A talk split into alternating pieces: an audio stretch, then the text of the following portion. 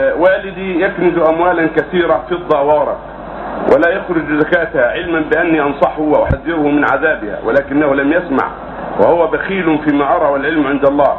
ما هو الذي يجب علي نحو والدي؟ كيف يخرج زكاتها وهي لها مدة 30 سنة؟ كيف أقنعه حتى يزكيها؟ هل إذا أراد مني فلوس أعطيه أم أرفض؟ علما أنه يريد كنزها.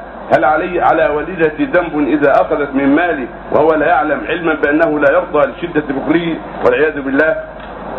عليك أن تنصح له أن تنصح له دائما بالكلام الطيب والاسلوب الحسن حتى يؤدي الزكاة. وإذا استعنت على هذا بأعمامك واخوالك حتى ينصحوه طيب. تقول لإخوانك وأعمامك وجيرانك الطيبين ينصحونه بالكلام الطيب والأسلوب الحسن لعل الله يهديه حتى يخرج الزكاة. وإذا كنت مليا تقول يا أبي أنا اخرج عنك الزكاة. وإذا سمح لك تؤدي عنه. ولا ولا هذا بكثير من والدك إذا سمح لك وأنت ذو مال تؤدي عنك كالوكيل. من مالك ولا بأس. ولا تكون محسنا في ذلك. فإن مات ولم تؤدوا عنه ولم يؤدي تؤدون بعد الموت. تؤدون زكاتها بعدد السنين التي مضت من هذا المال المكنوز تؤدونه عنه.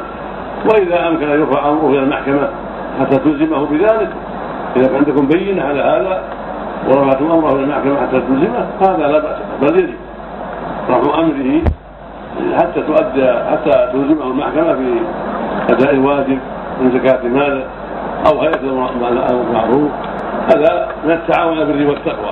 لكن دون الشكوى التعاون بإخوانك وأعمامك وإخوتك الكبار ومن يعزهم أبوك تتعاون بالكلام الطيب والأسلوب الحسن حتى يزكي يكون أولى من شكواه إلى واحسن وإذا استطعت أنت أن تزكي عنه مالك بإذنه فهذا اطيب واطيب